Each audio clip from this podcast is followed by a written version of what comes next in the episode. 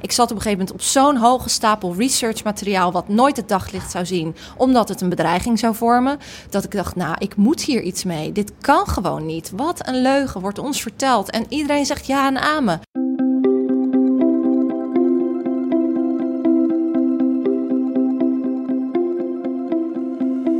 Dit is Het Groene Hart van. De podcast van Happiness and Growth Thinkers, waarin we op zoek gaan naar het groene hart van onze gasten. Een gesprek met Lisette Krijscher, stylist, auteur van 10 vegan kookboeken en medeoprichter van de Dutch Wheat Burger. Over haar diep gewortelde drive voor plantaardig eten, op welke bijzondere manier ze haar huis duurzaam heeft gemaakt en welke Duitse onderneming haar aan het huilen bracht. Ik zit hier met Lisette Krijscher in de Dutch Wheat Burger Joint. De plek eh, ja, waar jouw eh, heerlijke Dutch Wheat Burger wordt verkocht. Nog veel meer heerlijke plantaardige producten. Ben er ook eh, een aantal keer al geweest met Oh. vrienden om ze te laten zien. Leuk. En te laten proeven vooral. Ehm, vertel ons eventjes even voor de, het Groene Hart, de Groene Hart luisteraar wie je bent. En ja, stel je even voor. Zo'n complexe vraag. Ehm, mijn naam is Lisette Krijscher, geboren en getogen in de omgeving Rotterdam. Dus wat doe ik dan in vredesnaam in Amsterdam? Nou, de liefde en dit bedrijf. eh, het verspreiden van de vegan scene of het verhaal is wat waar mijn hart voor klopt. Dus alles wat, wat ik daarvoor kan doen, dat doe ik. En dat is bijvoorbeeld dit bedrijf, maar ik schrijf ook boeken en weet ik veel wat ik nog meer doe. Gewoon om het verhaal maar verder te krijgen. Ja. Ik weet het nog steeds niet helemaal, maar elke keer denk ik, oh, dit werkt. En dan ga ik dat doen. Ja, dus om eigenlijk je bereik te vergroten, Ja. eh, onderneem je. Eh, Ja, wat er nodig is. Wat er nodig is. En meestal heeft de, de kern of de rode draad van mijn verhaal is altijd dat ik een verhaal vertel. Dus ik probeer mensen een mogelijkheid te geven, een idee van leven waar geen dieren voor worden uitgebuit. En ze vooral het gevoel te geven dat ze door bijvoorbeeld een plantaardige lifestyle te adapteren, dat ze er heel veel bij krijgen. Dus het gaat bij mij altijd om vermeerdering. Wat krijg je erbij? Positief bereik, eh, lekker eten, mooie lifestyle. Dat is het belangrijkste Ja, de focus van mijn verhaal. cool. En wat is op dit moment je focus? Waar ben je op dit moment mee bezig? Nou, we hebben ehm, een paar maanden geleden Man Eat Plant uitgegeven. Een boek wat zich meer richt op de man en het eten van plant. En daar hebben we een blog voor ook, Man Eat Plant, allemaal lekkere recepten. Dus dat doen we. En ik werk voor eh, wat bedrijven om ze te helpen om nou ja, de vegan mindset nog groter te krijgen. Bijvoorbeeld een groot groentebedrijf om groenteoplossingen te bedenken voor de retail. Dat soort dingen. Mhm. Waar, waar, waar kan het verhaal Ja. maar kwijt kan. Dat. Ja, wat ik heel mooi vind aan je is eh, je, eigenlijk je, ook je ondernemers-mindset en ook hoe je dingen ja, neerzet. Wel echt tof. Waar komt dat Dank. vandaan? Waar komt jouw groene hart en ook die ondernemersgeest vandaan? Geen idee. Die is er gewoon. ja, dat is, ja, weet je. Ik, mijn, nou, mijn vader die zegt altijd niet lullen, maar poetsen. En geld hebben we niet, maar wel spullen. Dus twee dingen die mij altijd hebben ja, eh, ges- gesteund om te ondernemen. Om gewoon te doen en niet aan remmingen of beren op de weg te denken. En als kind, jong kind, voelde ik dit verhaal over de mm, ja, diervriendelijke lifestyle zo kloppen al in mijn DNA. Dat ik wist, ik moet hier iets mee gaan doen. En ik heb dus ook nooit remmingen ervaren om daar iets mee te gaan doen. Dus ik denk dat het daar vandaan komt. Oké. Gewoon, En een groene hart, had je dat ook al als kind vroeger? nou, een heel diervriendelijk hart. Ja. Groen hart, ik wist ik veel. Weet je Ja. wel, dat er iets was als CO2-uitstoot Ja. en eh, voetafdruk. Dat kwam later. Maar het dieren iets aandoen was zo simpel dat ik dat niet wilde. Ik had een, een hond die ik lief had. Dus een ander dier pijn doen, dat, dat, ging er, dat was... Dat is ook zo mooi dat een kind dat dus wel kan ervaren. De complexiteit van het milieu is lastiger. Maar iets pijn doen, of dus niet pijn doen, dat gaat erin vaak bij kinderen als zoete koek. Van hè, je wil dit diertje toch wel helpen, of dit graspietje mooi plukken en daarvoor zorgen, of ik zeg maar wat. Mm, Dus dat, dat was voor mij ook zo evi- evident eigenlijk. Ja, ja. ja dat. Ja. Ja, in de, deze podcast gaat het toch veel over eh, de verborgen impact ook. Hè? Dus, eh, ken je het boek van Babette Porcelein, De Verborgen Impact? Nee, Ehm, god, ik loop in- achter. En Ja. echt een aanrader. Eh, dus echt van, ja, zij kijkt eigenlijk naar van wat heeft nou de meeste impact op onze aarde? Ehm, eh, verborgen impact. Dus niet dat wat we daadwerkelijk zien, maar ook achter de schermen. Ja. Nou, spullen staat op één. Vlees staat op twee, heeft de grootste verborgen impact. Hm. Op drie eh, reizen slash eh, met de auto vliegen. Hm. En daarna komt wonen. Eh, ik vind het leuk om daar een beetje op in te gaan, ook te kijken naar hoe jij uh, leeft. Ik vind het wel leuk om te beginnen bij wonen. Wat heb je thuis al aangepast?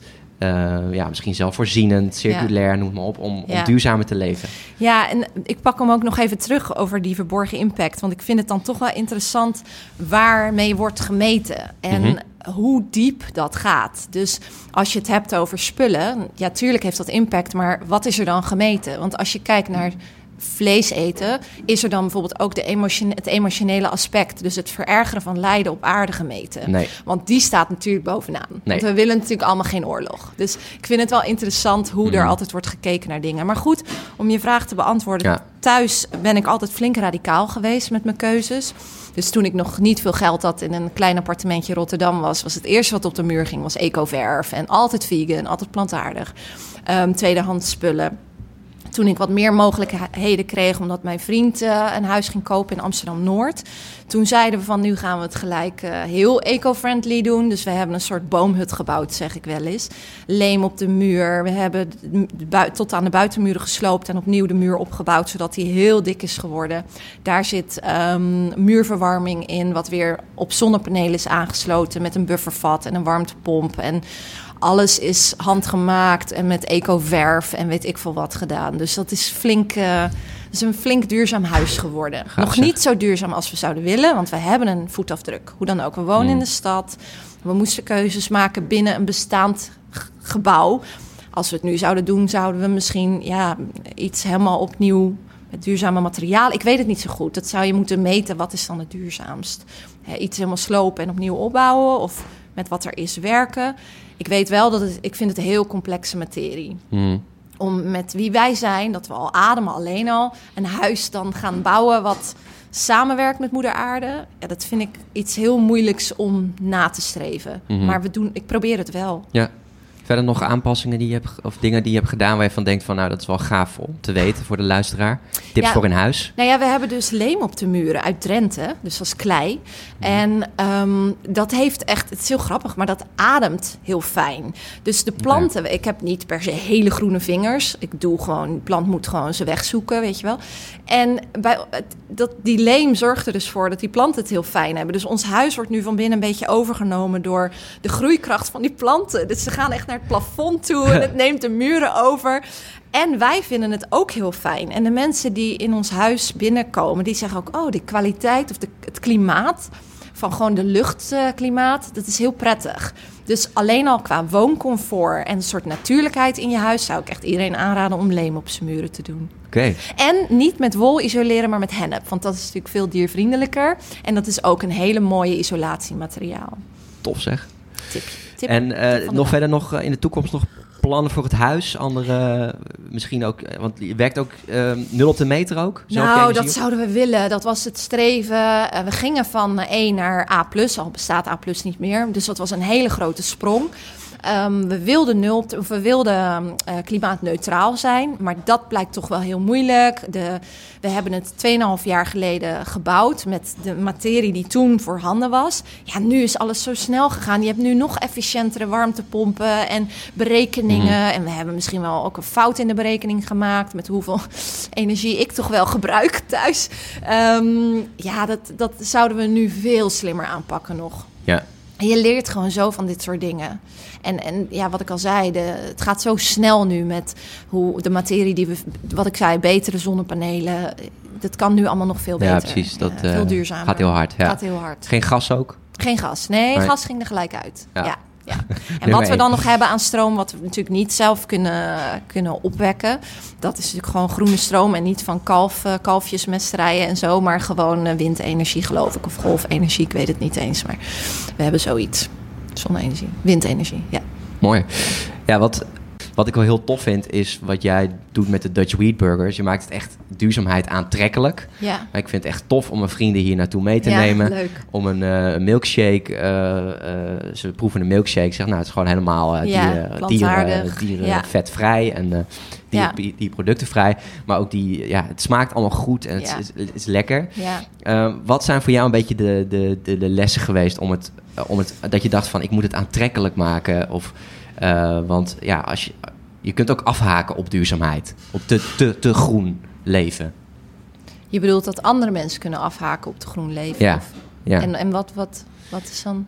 Nou ja, dat je bijvoorbeeld uh, dat je, dat, je, dat je te extreem erin doorgaat, waardoor het eigenlijk niet meer aantrekkelijk is voor de mensen die misschien ermee wil beginnen. Dat, dat, het is te ver van je bedshow. Ja. Je ziet het jezelf niet doen. Ja, nou, we- we- hm, ik denk dat dit eh, een complexe vraag is, omdat wanneer wordt iets extreem of moeilijk behapbaar? Ik denk dat de boodschapper dan zelf ook nog iets moet doen. Dit is het belangrijkste dat als zender, omdat je iets hebt gezien of ervaren en je voelt echt, nou, dit is de waarheid, hier moeten we allemaal naartoe, dat je nog een verantwoordelijkheid hebt en dat is zelf naar binnen gaan en daar zorgen dat je je eigen wonden en oordelen heelt en aanpakt. Daar heb je ook verantwoordelijkheid. Dus verantwoordelijkheid aan de buitenkant, verantwoordelijkheid aan de binnenkant.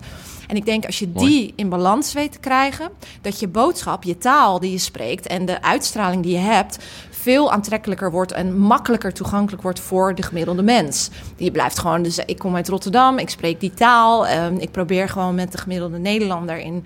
ehm, gesprek te blijven, aan tafel, waar dan ook. En elke keer opnieuw bij mezelf te raden te gaan. Oordeel ik nu en hoe straal ik dat uit en wat kan ik doen om daarvoor te komen? En zo krijgen we een goed gesprek. Omdat de ander dan voelt: oh, deze meid veroordeelt mij niet. We hebben het nu echt ergens over. En ik mag er zijn. Die ander moet gehoord kunnen worden. En die moet het gevoel hebben: oh ja, ik doe het toe. Ik heb ook een verhaal. Ik vind het moeilijk. En dan zeg ik: ja, dat snap ik. Ja, dat begrijp ik. En dan gaan we het hebben. Wat kunnen we wel doen? En dat is dus continu proces van leren invoelen. En ook bij mezelf te raden gaan wat ik kan doen. Ja. Dat. Dat Mooi. ligt aan de grondslag. Ja. Het zijn geen praktische dingen of zo. Laten we van wonen even naar reizen gaan. Ja. Eh, hoe doe je het qua auto slash vliegtuig? Oh, nou, vliegen, daar heb ik eh, echt heel weinig. Niet eigenlijk. Een soort afspraak met mezelf dat ik misschien vijf keer mijn leven vlieg. En ehm, ja, als er een mooie reis is, dan zeg ik, kan dat ook in Europa? En kunnen we dat dan met de trein of de auto? En eh, we hebben, ehm, ik heb nog een, eh, een, een autootje op eh, brandstof. En dat doet me heel veel pijn. Maar als ik terugkijk naar de 20.000 cupcakes en honderden duizenden wheatburgers die ik ermee heb kunnen vervoeren, dan zeg ik: oké, dat is oké. Maar we hebben ons wel aangemeld en ingeschreven voor de, een van de duurzaamste auto's die uit Duitsland gaat kopen, komen. Die ook helemaal vegan is van binnen en zonnepanelen heeft en mos in de auto en weet ik veel wat. Dus ik kan echt niet wachten tot we die kunnen bemachtigen. We staan op nummer 80 of zo. Ehm, dus ja, we, we proberen het wel op het moment dat het gewoon ook mogelijk wordt. Want dit zijn dure aanschaffen. En dat geld heb ik, dat verdien je niet in de voedselindustrie. Tenzij je het echt heel goed doet. Dus ik moet ook elke keer opnieuw kijken van hoe ik inderdaad met die ene been in de realiteit kan blijven staan. En mogelijk kan maken wat ik zo graag wil bereiken. En aan de andere kant dat donkergroene hart kan laten kloppen. En het ook dat het goed voor mezelf voelt. Mhm. Dus ja. Hoe heet dat eh, Duitse bedrijf, die auto? Oh, heet hij ook? De Zion of zo? De, de? Hoe heet hij ook alweer? Ik kan het even opzoeken Ja. en het eh, teruggeven. Ja, Maar ik kan echt niet wachten. Ik, ik zag je stralen toen Oh, het vertellen. mos. En ik ging ze zo mailen. Ja, in- jullie interieur is toch wel vegan? Want het kan echt niet in deze tijd dat je dan... Dan ga ik het een beetje zo... Ja, En ja. toen kreeg ik zo heel lief... Oh nee, we zijn helemaal vegan-minded. Ik eten hier op kantoor ook vegan. Ik bedoel, een autobedrijf. Dit is toch te briljant. Ja, ik, ik moest huilen. Ik zei tegen Jonathan... Oh, dit is de toekomst. Zo, weet je wel, gewoon zo elke keer als het bevestigd wordt... dat ik niet gek was, 10, 20 jaar geleden... dan sta ik altijd weer even met tranen in mijn ogen. Zo Wauw, van, geraakt. ja, we, we hebben echt, we hadden gelijk, weet je wel. En dit gaat alleen maar meer worden. En eh, ja, dat, de kleine bevestiging van wie ik ben, dat Ja. is altijd wel een beetje Ja. zo. tearjerker. Ja. We hadden het hiervoor ook nog even over de, de, de- dat terror, dat je dat meer naar je familie toe bent dan naar de... Ja, dat mag. dat die... Daar ben ik misschien soms wat oordelender. Dus ik doe mijn huiswerk, maar in mijn familie vind ik dat nog het lastigst. Maar die kunnen het hebben van mij. Ik bedoel, ik was op mijn tiende al zo. Dus die, zijn, die hebben wel een soort goede, dikke huid gecreëerd voor een gekke Lisette. Ja. Eh, nou, komen we bij eh, punt 2, vlees. Eh, je, ja, je is een mooi onderwerp wat je nog aansnijdt, inderdaad, over het emotionele, de emotionele impact. Die zit natuurlijk veel meer in vlees. Ik denk dat we die inderdaad misschien, als je het emotioneel kan scharen, nog wel hoger kunnen zetten dan spullen. ja. Maar vertel even waarom jij gestopt bent met vlees en waar, eh, het vlees eten, maar überhaupt natuurlijk eh, met dierlijke producten. Hoe dat is ontstaan. Ik was jong en ik voelde gewoon de inconsequentie van het verhaal wat mij werd verteld. Namelijk, je hebt een hond en daar hou je van en je hebt een vark op je bord. En die zag ik in één keer. Het licht ging gewoon aan. Ik was elf of zo en het was gewoon, wow, echt? Maar ik hou van dieren. Maar dan kan ik ze toch niet eten? Dus dat was zo simpel. was ook zo makkelijk.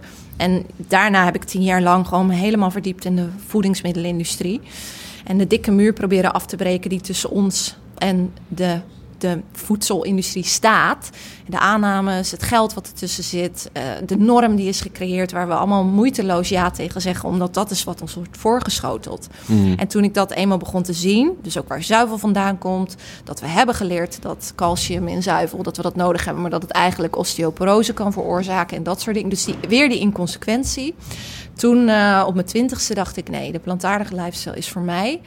En het er echt ingedoken in de materie dus. Echt helemaal echt, ingedoken. de boeken ja, ingegaan. Echt uh, alles wat ik maar interviews gedaan. Ik zat op een gegeven moment op zo'n hoge stapel research materiaal wat nooit het daglicht zou zien, omdat het een bedreiging zou vormen, dat ik dacht, nou, ik moet hier iets mee. Dit kan gewoon niet. Wat een leugen wordt ons verteld en iedereen zegt ja en amen. Ik wil dat niet meer. Ik wil daar niet aan meedoen.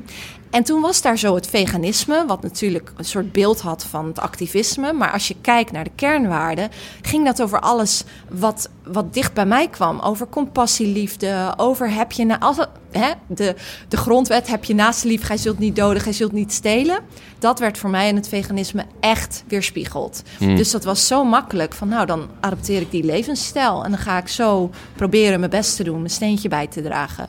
En op mijn manier het verhaal weer door proberen te vertellen. Ja. En ja, want je, je bent toen eigenlijk dus wel gewoon non-stop in de boeken gedoken en was er echt volledig mee bezig. Hoe reageerde je, want die veranderen natuurlijk, hoe reageerde je omgeving daarop? Ja, dat was, het vegetarisme was niet zo moeilijk, want ja, eh, mijn moeder maakte gewoon lekker eten en daar verving ze het vlees met een uh, tofu-burger of zo, ik zeg maar wat. En op een gegeven moment ging ik meer koken en meer koken en werd ik ook wat extremistischer, want als je waarheid ontdekt of informatie ontdekt over alles wat jou is geleerd wat andersom is, dan schrik je. En dan denk je, wat heb ik dit al die jaren gedaan? Oh my god, mega oordeel. Um, dus toen werd ik wat meer, zoals men dan noemt, een extremist. Dus was ik bozer en vond ik het heel heftig, veel emotioneler. Hm. Nou, daar heb ik al 17 jaar over moeten doen om dat uh, te helen, in te zien, de verbinding te maken met wie ik ben en wie iedereen is. En dat voelde je, allemaal... je voelde je zo voor de gek gehouden eigenlijk door Ja, heel, door, door al mijn autoriteiten, door mijn leraren, mijn doktoren, al die mensen die slimmer zouden moeten zijn dan ik. Althans, dat werd mij verteld. Ik deed HAVO en dat zat zo in de middenmoot. En dan moest je gaan studeren en dan was je slim en dan wist je het of zo. Hmm. Maar al die mensen die zeiden klakkeloos tegen deze industrie... ja, je hebt dat nodig. Je hebt dier nodig om gezond te zijn. Of dat doen we nou eenmaal zo. Of de meest gekke argumenten. En ik dacht, hou eens even. Dit, uh, ik moet de zwaarheid zelf gaan zoeken. Want zij kunnen het mij niet meer vertellen. Ja. ja, dan leer je het wel. En dat doet het ook, dan is het ook moeilijk. Van, maar wie gaat mij dan vertellen? Ja. Ik heb geen idee. Maar ik voel wel dat, dat deze manier van leven... dus het verergeren van lijden op aarde... zodat ik kan overleven... nee, dat, ik geloof niet dat moeder aarde dat heeft bedacht. Dat was heel simpel voor mij. Herkenbaar ook, ja. In één keer zo van het normale eh, leven is het normale leven niet eigenlijk. Nee. nee dat wat gewoon. Wauw. Uh, ja. Waar we allemaal klakkeloos ja tegen zeggen. Precies. En dat is van de norm. Ja, ja nee, ondertussen uh, komen hier gewoon klanten binnen natuurlijk. Vinden we niet erg, want uh, ja, laten we dit vooral promoten. Meer mensen in de, in de joint. Meer mensen in de joint, altijd goed. ja, komen we bij punt 1 aan, spullen. we hadden het net ook even over de Marie Kondo documentaire... die net eigenlijk vrij, ja, vrij recent online staat, die gebinge-watched wordt. En het, het opruimen, heb je een opgeruimd huis? Weet ik niet, moeten anderen maar beoordelen. Ja. Koop je veel spullen? Dat nee. laten, we, laten we, nee. Nee, nee. En ik heb vroeger veel verzameld, want ik wist dat ik verhalenverteller en stylist wilde worden. En ik wist dat ik daarvoor achtergrondjes, spulletjes en het mooi maken en een verhaal maken. En dat heb ik toen gedaan en dat heb ik nog steeds. Dus ik heb ja, heel veel antieke dingen, heel veel oude dingen.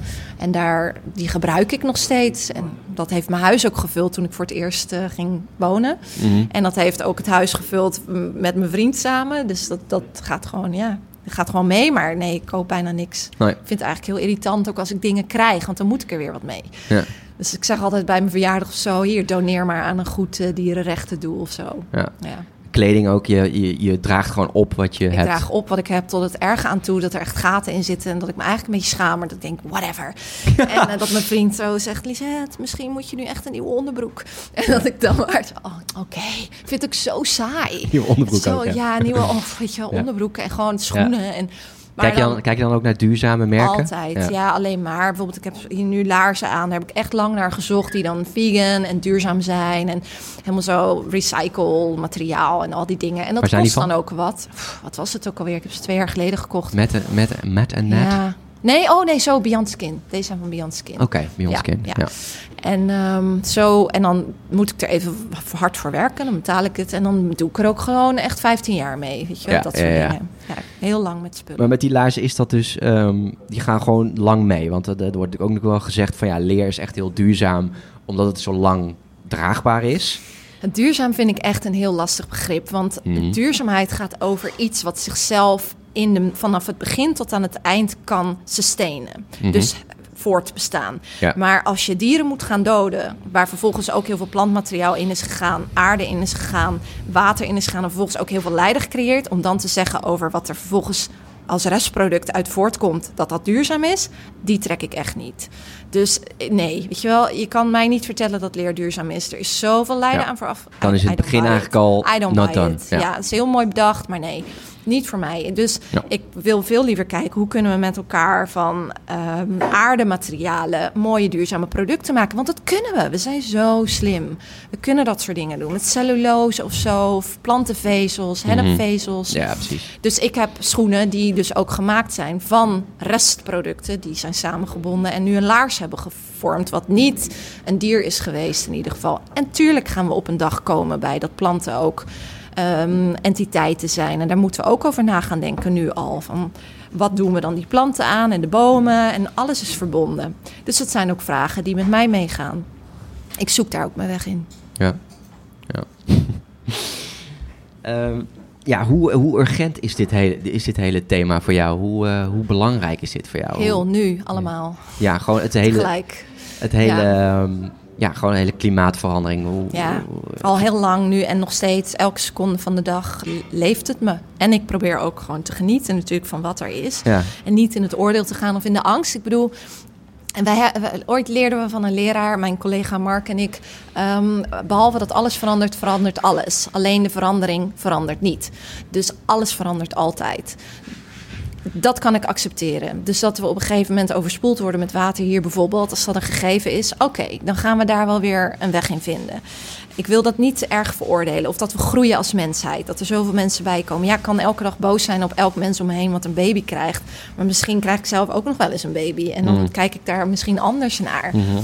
Maar tegelijkertijd ehm, moeten we wel bij elke stap die we nu zet- zetten, drie keer afvragen: voegt het iets toe? Vermeerdert dit de groei die we echt ambiëren? En breekt het af of doet het iets goeds met de aarde? Werken we samen met Moeder Natuur? Is het herproduceerbaar? Dus ja, ja, nee, het is een moeilijk vraagstuk. Mhm. Elke dag mee bezig. Heel urgent. Je staat ermee op. Je Ja. gaat ermee naar bed Ja. eigenlijk. En kan je er ook wel eens niet van slapen? Nee, slapen kan ik altijd wel goed, gelukkig. Maar vervolgens droom ik er wel over. dus ja. Toch weer. eh, Ja, ja. nee, maar niet, niet dramatisch of zo. Maar het is gewoon eh, wat in mijn leven. Alles draait erom. Mhm. Mijn vriend wordt wel eens gek ervan. Weet je wel. Kan je nou niet gewoon normaal gesprekken hebben met, over andere dingen? Maar nee, ik kan gewoon echt Nee. niet. Ik heb geen idee waar we het over moeten hebben. Ja, ik heb wel eens last van, of nou last, maar dat, dat zit gewoon in mij. Dat ik dan, als ik een beetje op een feestje of zo wat gedronken heb, dat ik een beetje idealistisch word en eh, misschien te, te verder in door eh, ga. Heb jij dat ook wel eens? Ja, maar dan zonder alcohol. Dus Ja. dat is mooi. Ja, ja, gewoon, Ik kan dus ook niet goed op een verjaardag praatje pot doen. Daarom, ik ben volgens mij helemaal niet heel sociaal. Want ik kan het alleen maar hierover hebben. En anders zit ik zo in een hoekje, weet je wel, met mijn vegan blokje kaas. Zo, nou, waar gaan we het nu weer over hebben? Ja, ik heb echt geen idee waar normale mensen het over hebben. dat is heel geestig. Ja. Ah, Ja. Maar ja, dat noemen we eigenlijk, eh, wat je net eigenlijk al zei. eh, ik probeer toch te blijven genieten. Dus dat je geen ecorexia krijgt. Hè, dat is eigenlijk de... Oh, ecorexia. Ja. Ja. Wauw, is dat een term? Ja, die is ook van eh, Oh. Babette. Ik denk Oh. dat jij en Babette eh, elkaar een keer moeten ontmoeten. Want zij draagt ook al haar kleding helemaal af. En Ja, zit inderdaad meer in die, in die cijfers. ja. Eh, ook goed. Moet ik denk gewoon dat, samen ik denk gaan. dat, het goed, dat daar een goede klik zit. Ja, mooi. Dus Babette, als je luistert. Jee, Babette. Ehm, Ja, dus uh, ecorexia, dat het eigenlijk te, uh, dat, dat het too much wordt, waardoor je dus niet meer kunt genieten. Dat eigenlijk elke, dat je het gevoel hebt nooit genoeg te kunnen doen voor deze aarde. Ja. Hoe, uh, hoe tackle jij dat voor jezelf? Dus sowieso te blijven genieten, niet, Ja. niet, niet, niet te oordelen. Ja. En nog meer... eh, Ja, ik denk dat het een misvatting is in je hoofd als je denkt dat je nooit genoeg kunt doen voor deze aarde. Dat is een schuld, Mhm. schuldvraag. En ik denk dat je elke schuldvraag in jezelf inderdaad moet tackelen. Want ik denk niet dat moeder aarde eh, eh, bezig is met schuld. Dus dan moeten wij dat vooral ook niet doen. We moeten wel kijken wat we wel kunnen doen en je verantwoordelijkheid nemen. Mijn leraar zei ook altijd: als je het weet, ben je verantwoordelijk. Dat is nogal groot. Maar dat betekent dat je elke keer opnieuw kunt afvragen: wat kan ik doen? En vervolgens, als je daar helemaal zo je kop voor inslaat, ja, dan, heb je dus, dan moet je dus met jezelf aan de slag. Dus Mhm. verantwoordelijkheid buiten, verantwoordelijkheid voor aan je binnenkant. En dat is ook een proces wat mij elke dag leeft. Van als ik weer in het oordeel schiet, oké, wat naar binnen? Weet je wel, wat gebeurt daar? Waarom voel ik me schuldig? Wat is dat dan, die schuld? Heel veel vragen aan me innerlijk stellen. Ja, Elke binnenkijken. aanname. Ja. Ja. binnenkijken. Ja, precies. Ja. Ja.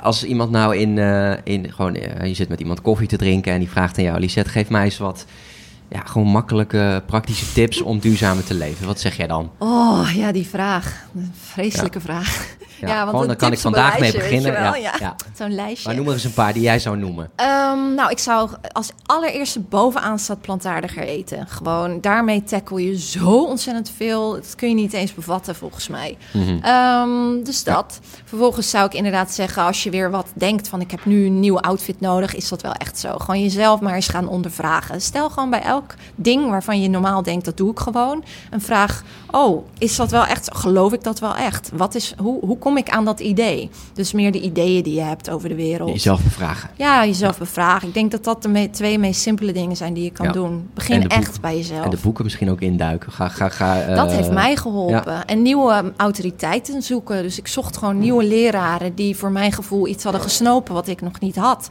En dan ging ik daar maar heel de tijd naar luisteren. En wat zeggen hun? En Ja, zoek De, de teachers die echt bij jou passen. ja, Mooi. ja, Tot slot, tot slot. moet er nog iets van jouw groene hart, iets wat je nog zou willen zeggen tegen degene, hij of zij die nu luistert?